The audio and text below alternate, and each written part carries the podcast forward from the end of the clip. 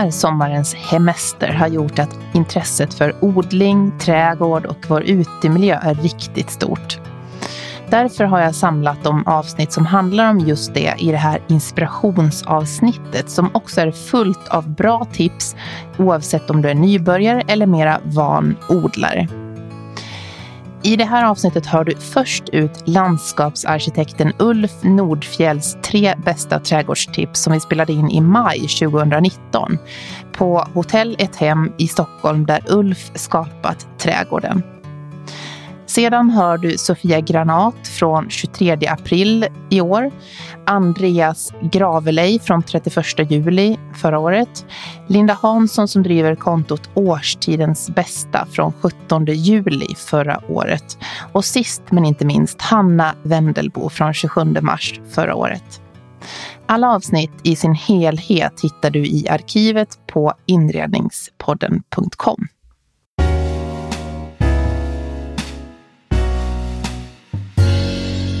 Landskapsarkitekten Ulf Nordfjell är en internationell kändis i trädgårdssammanhang och han har vunnit Chelsea Flower Show ett antal gånger.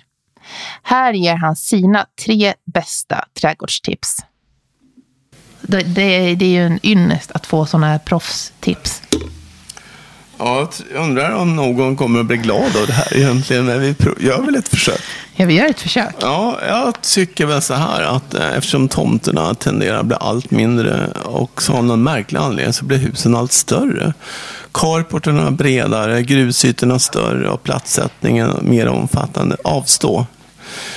Eh, tänk på husets relation till tomten istället och försök att få så mycket plats kvar som möjligt i trädgården. Se trädgården som det förlängda vardagsrummet det kan bli.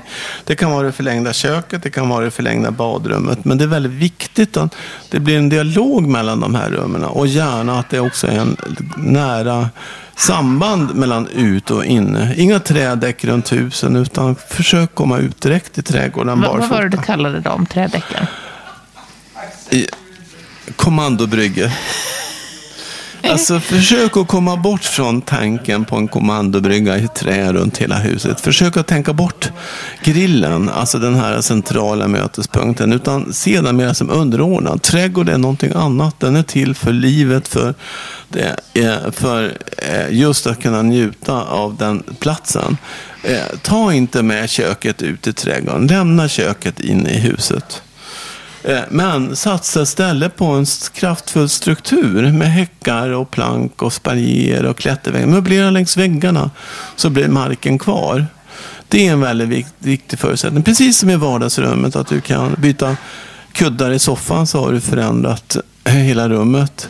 Eh, byt sommarblomskonceptet från ena året till det annat. Ha kanske rött ett år och vitt ett annat så förändras hela trädgården. Och sen Titta inte på grannens trädgård.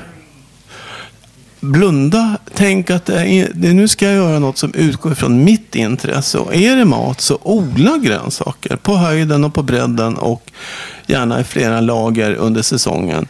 Eh, är du intresserad av eh, samlande av växter, gör det. Men gör det på ett modernt, nytt sätt. Inget stenparti, utan snarare kanske jobba med murar och växter i det och så vidare. Jobba även där uppåt väggarna. Och låt känslan av natur komma in i trädgården. Låt den här spröda skira ta plats i trädgården. Tänk äng brukar jag säga. Ängen är det ultimata för oss svenskar. Alltså mångfalden i ängen. Tänk äng. Och har du inte plats för en äng så låt gräsmattan vara full av bellis, eh, veroniker av olika typer och andra primörer. Tänk bort den här robotklipparen för en gångs skull på den här lilla ytan. Utan låt istället gräsmattan bli något som egentligen alltid fanns förr i trädgården. Får jag bara fråga, de som har, när vi ställer frågor till dig så var det många som frågade om naturtomt. Hur man gör för att integrera naturtomt till trädgård. Har du något tips till dem? Mm, ja, alltså natur, om man har ett stycke natur inne på sin tomt så är det väldigt viktigt att man också förstår att naturen förändras. Om den är frilagd på grund av bebyggelse och så vidare så är det naturligtvis väldigt viktigt att inse att också ljusförhållanden förändras. Och då kommer den att byta skepnad. Då kommer lingonriset försvinna och ersättas med gräs och så vidare. Så om man, man bör vara väldigt försiktig i vad man, att man inte öppnar upp naturtomten för mycket. För att då förändras också markskiktet. Finns det blåbärsris så är det fukten där som gör att det finns blåbärsris. Är det sol och torka, ja då är det lingonris. Men gör så lite som möjligt och se till också att man inte äh, äh, Eh, använder den för hårt. Naturen är väldigt ömtålig. Mycket ömtåligare än gräsmattan. Så blåbärsris och lingonris är ingenting man springer runt och leker i. För då försvinner det och det går fort, det går på ett år. Så det är väl en viktig sak i, i, i naturtomsperspektivet. Men annars skulle jag vilja avrunda det med att säga att eh, att bara ha en trädgård, det är ju också ett exempel på att man gynnar den biologiska mångfalden som är viktig för pollinerare och eh, för vår frukt och bärsättning och så vidare, som också är viktig i den lilla trädgården när man har allt från jordgubbar, smultron och fruktträd och bärbuskar och så vidare. Och sen att man för den saken skulle se till att man planterar växter som också är attraktiva för pollinerare och insekter hela säsongen och inte bara tänker på det som man tycker ser vackert ut. Utan man tänker allt från tidiga lökväxter som pärlhyacinter till höstens fjärilsbuskar, astrar och flox. Att man, det ska finnas mat till pollinerarna under hela säsongen. Och där är ju naturligtvis nyckeln ängen lite grann. Men den är ju svår att få in i, i Så jag brukar säga, gör din fantasiäng i rabatten istället. Så tror jag att du kommer en bra bit på väg.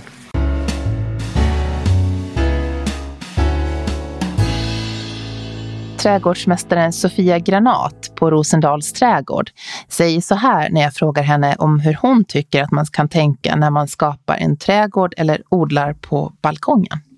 Alltså jag tycker att man ska klura först på vad man vill få ut av sin trädgård eller sin balkong. Eh, ska man spendera mycket tid där så tycker jag att det är värt att verkligen klura på vad tycker jag om, vad är fint, vad vill jag ha någonting ätbart? Har jag, som jag till exempel har ett jättetråkigt balkongräcke som jag vill täcka, då kan jag ju jobba mycket med dels på höjden men också krukor som är lite lägre som, som ger mycket liksom volym, mycket växt, om man ska säga, eh, som man kan skörda mycket av till exempel.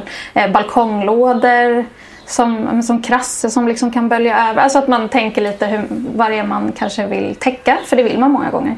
Um, om man vill skapa rum i sin trädgård eller på balkongen så är ju träd i kruka jättebra. Uh, och vill man ha ätbart så man kan till exempel ha bärbuskar i kruka på balkongen. Um, så att ja, men, klura ut vad man har för behov och vad man tycker om och kanske lite vad man har för budget. Men försök tänka långsiktigt. Det är många som kommer och så tänker de att oh, men den här plantan var fin, jag tar en av den. Och den här var fin, jag tar en av den. och så blir det inte så mycket av det. Men om man tar en större kruka så sätter du fem av någonting som du tycker är fint. Då har du liksom en superperuk av en fin blomma sen. Som verkligen, alltså att det blir fylligt. Ja, vilket bra tips. Ja, och det kan, ju så här, det kan jag tycka är så självklart med mina kollegor också. Men, men det blir ju, man kan ju bli så förälskad i olika grejer. Och så står jag också nu när jag ska planera min kolonilott. Att jag vill liksom, jag vill ha 30 olika grönsaker men jag vet att jag bara har plats med 10. Så att jag måste liksom gallra lite. Och det ser man ju när vi tittar ut här också över odlingarna här. Så ser man ju att här är det ju just att det, det är fokuserat på ja, men det här vi ser hyacinter och mm, kejsarkrona som jag har lärt mig att den heter och ja. tulpaner. Ja, precis. Och så blir det ju som otrolig prakt men jag har haft olika färger. Mm. Ja men precis. Och det, det, alltså det är inte så konstigt egentligen. För många kommer och frågar nu, så, oh, men nu är skillan blommar i gräsmattan och åh ni har så fina tulpaner och sådär. Det vill jag ha nu också. Eh, men det sätter man på hösten. Då kommer man, åker man till sin handelsträdgård och så kan man välja på hur många sorter som helst av tulpaner och narcisser och hyacinter. Och då vill man ju, man plockar som en godispåse men man kanske ändå ska tänka att så här, okej okay, men på min uppfart till exempel, vad vill jag mötas av där? Då kanske man väljer två eller tre olika tulpaner och så brukar jag säga att man liksom slänger ut dem lite så att det ser lite naturligt ut. Ibland kan man, man ska liksom inte sätta tio tulpaner på raken för det ser inte jättenaturligt ut sen när de blommar så här, en rak rad bara. Så, som det ser ut utanför min port. Eh, utan försök liksom peta in det lite här och var. Okay. Um, ja, men det, kan, ja, det kan vara lite svårt att man blir liksom sugen på allt möjligt. Men, men försök ja, men att man tänker att så här, i år testar jag det här. Och så kan man skriva ner en sort som man tycker är fin, så kanske man provar den nästa år. Man får försöka tänka lite långsiktigt. Ja, vad bra. Och det där med lökväxter har jag lärt mig nu eftersom kejsarkrona som är så praktfull, att det var en mm. lök och det köper man på hösten då Precis. I september, början på september brukar de flesta handelsträdgårdar få, få fram det. Och då har vi en lökmarknad i plantboden med, med massa olika lökväxter och eh, så mycket ekologiskt som möjligt. Andreas Gravelej är trädgårdsmästaren som lämnade Stockholm och startade Kniva trädgård utanför Falun i Dalarna. Här berättar han vad som antagligen aldrig kommer att finnas i hans trädgårdar eller hans blomsterarrangemang. Jag är inte så förtjust i konstmaterial. Alltså jag gillar ju helst naturliga material oavsett om det handlar om att lägga en stenläggning på en uppfart. Här skulle det exempelvis se väldigt märkligt ut om vi hade lagt en så betongstensuppfart. När vi befinner oss i en liksom, ganska klassisk dalaby. Så, även om den är, ja, den är, det är ju inte kanske helt traditionellt här. Utan, um, men det skulle inte funka här. Och det skulle jag aldrig föreslå hos en kund heller, som bodde så här. Um, och, och, så kanske jag, vad gäller floristarbeten och, och den typen av arbeten som dekoratör, då kanske jag hellre eh, jobbar också det, det, det här naturliga hållet. Jag är inte så mycket för att stoppa i färgglada pinnar och, och tussar med konstiga material och sånt där. För att skapa liksom, eh, effekter och så. Och så får vi också råd om att tänka till lite extra på det här om vi köper färdiga plantor.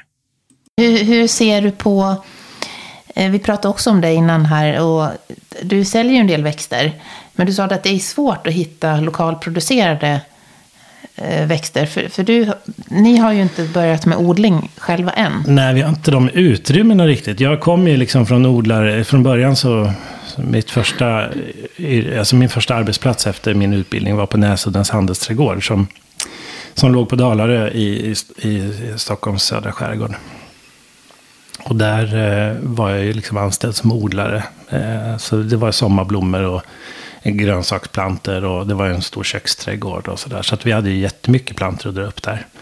Och även till försäljning drog vi upp sommarblommor. Så det är där, det därifrån jag kommer. Det var där jag började kan man säga. Men, men jag saknar det benet och stå på, på odlarbenet lite mer. Eh, men eh, ja, jag får försöka dra lite mer åt det hållet. Men det går aldrig att liksom jag kan inte göra det av ekonomiska skäl, börja odla planter liksom för, för att liksom tjäna något på det. Utan i så fall gör man det av någon annan anledning, kan man säga. Är det, det så att det är för dålig lönsamhet i att odla? Ja, men många verkar tycka det. Tyvärr lägger många svenska odlare ner. Dels kan det vara på grund av att de har kommit upp i en ålder då de känner att de måste gå i pension. Eh, och så finns det ingen yngre generation som riktigt tycker att det finns någon lönsamhet i det. Men det tråkiga är att vi resulterar, det, alltså det resulterar i att vi får importera allt material. Och då blir det sämre härdighet om det rör sig om perenner då, som man vill ha fleråriga. Ehm, och det kan också vara så att de odlas på ett sätt som, som jag inte tycker är okej. Man använder kanske retarderingsmedel för att få buskare planter exempelvis. Men växterna beter sig på ett onaturligt sätt och de blir inte lika vackra på det sättet. Plus att de här retarderingsmedlen kan vara ett problem i i våra komposter och så vidare efteråt. Så att jag, jag förespråkar ju svenskodlat och, och så, så äh, giftfritt och, och, och liksom så naturligt som möjligt. Och där är det tyvärr svårt.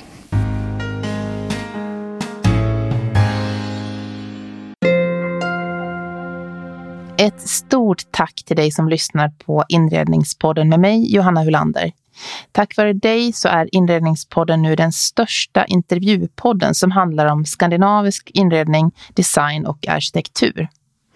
Och just i dessa tider så känns det extra viktigt att sprida fakta och personliga intervjuer tycker jag för att skapa ännu mer intresse för den lokala designvärlden. Dela gärna en skärmdump på podden på dina sociala kanaler så att ännu fler får upp ögonen för skandinavisk design, inredning och arkitektur. På inredningspodden.com finns alla avsnitt samlade för olika sätt att lyssna på, till exempel Spotify, iTunes eller Acast.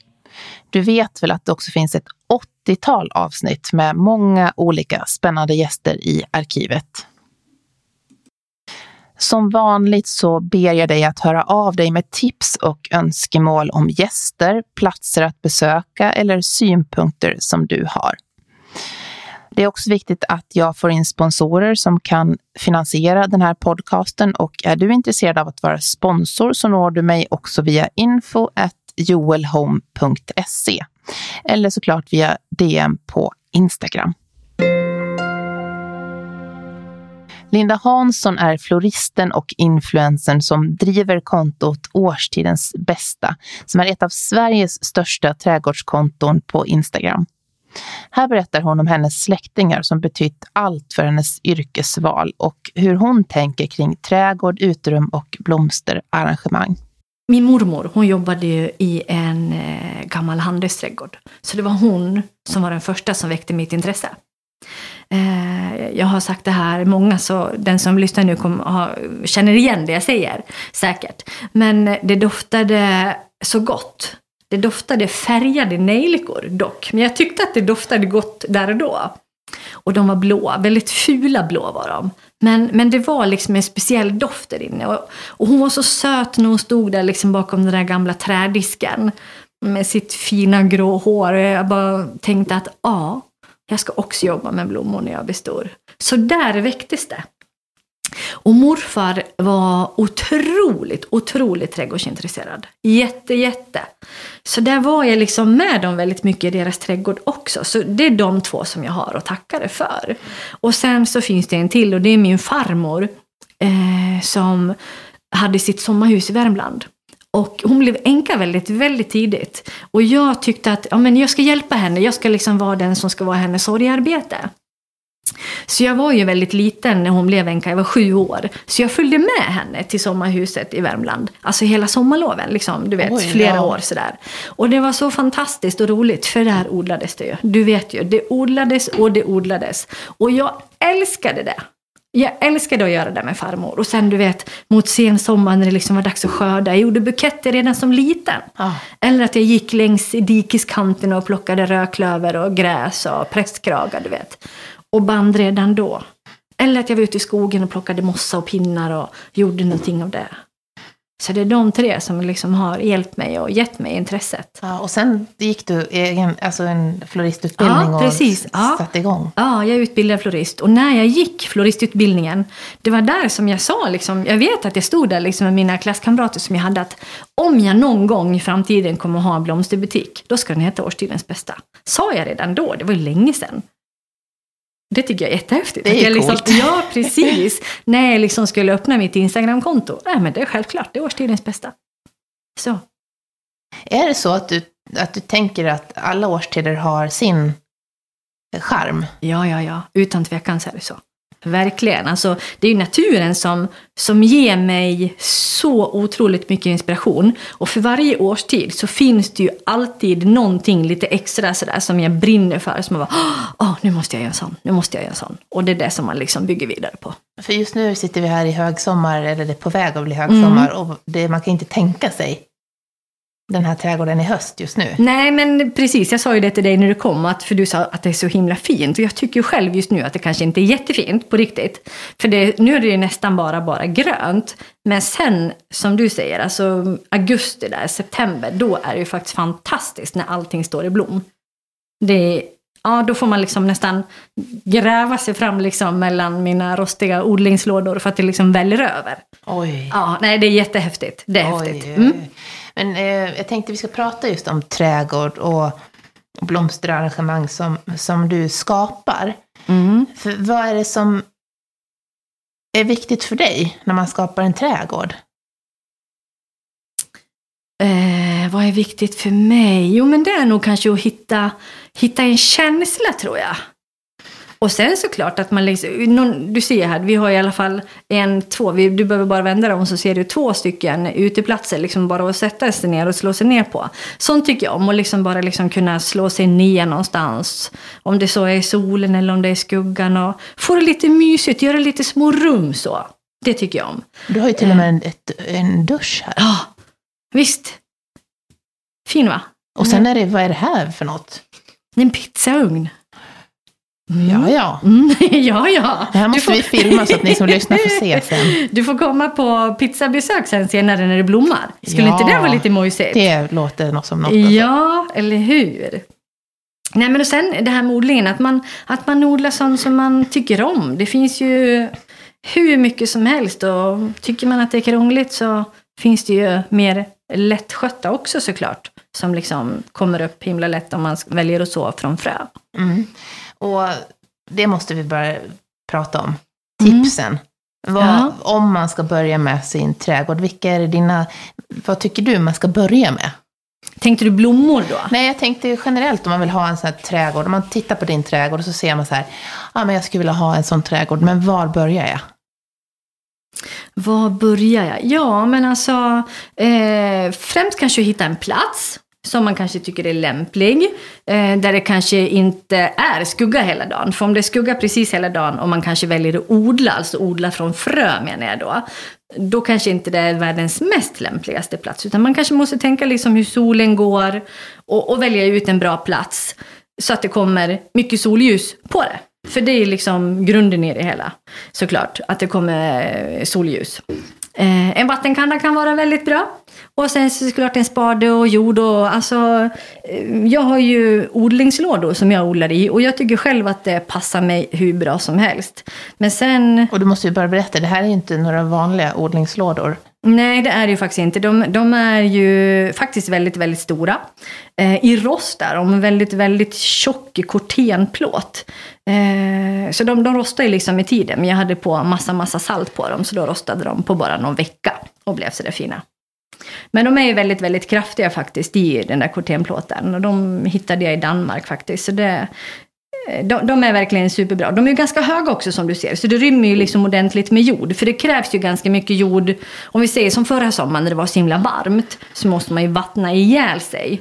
Om det inte är så mycket jord i krukan. Men här är det ordentligt fyllt med jord. Så de har liksom en liten bra grund att stå på.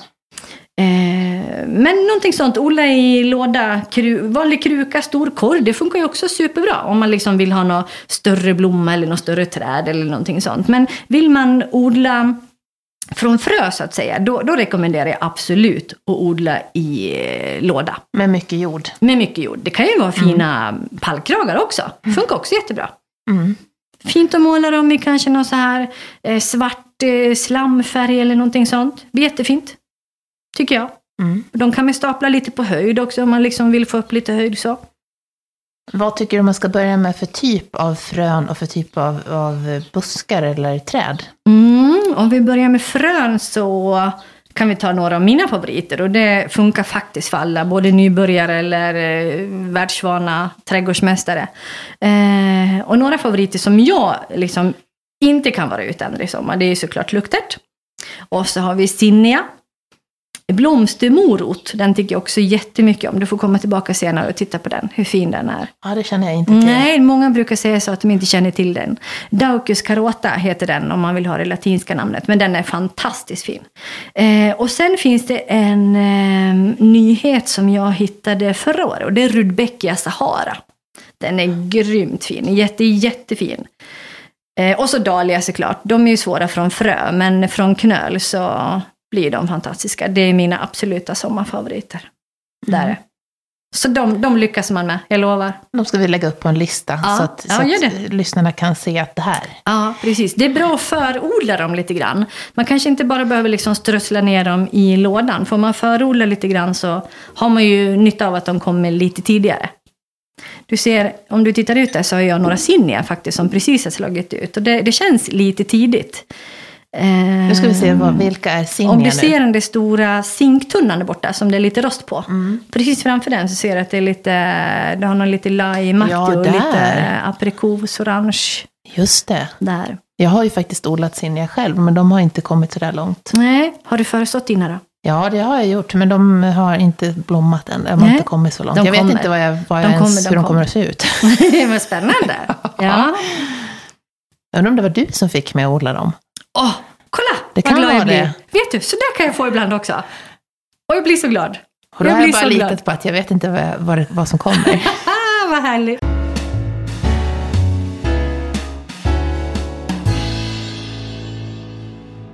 Tapetdrottningen och mönsterdesignern Hanna Wendelbo och jag spelar in på hotell dagen efter hennes lansering av boken som handlar om bland annat blomsterpill. Här ger hon ett tips på att få kreativt flow som passar hela familjen perfekt nu i sommar.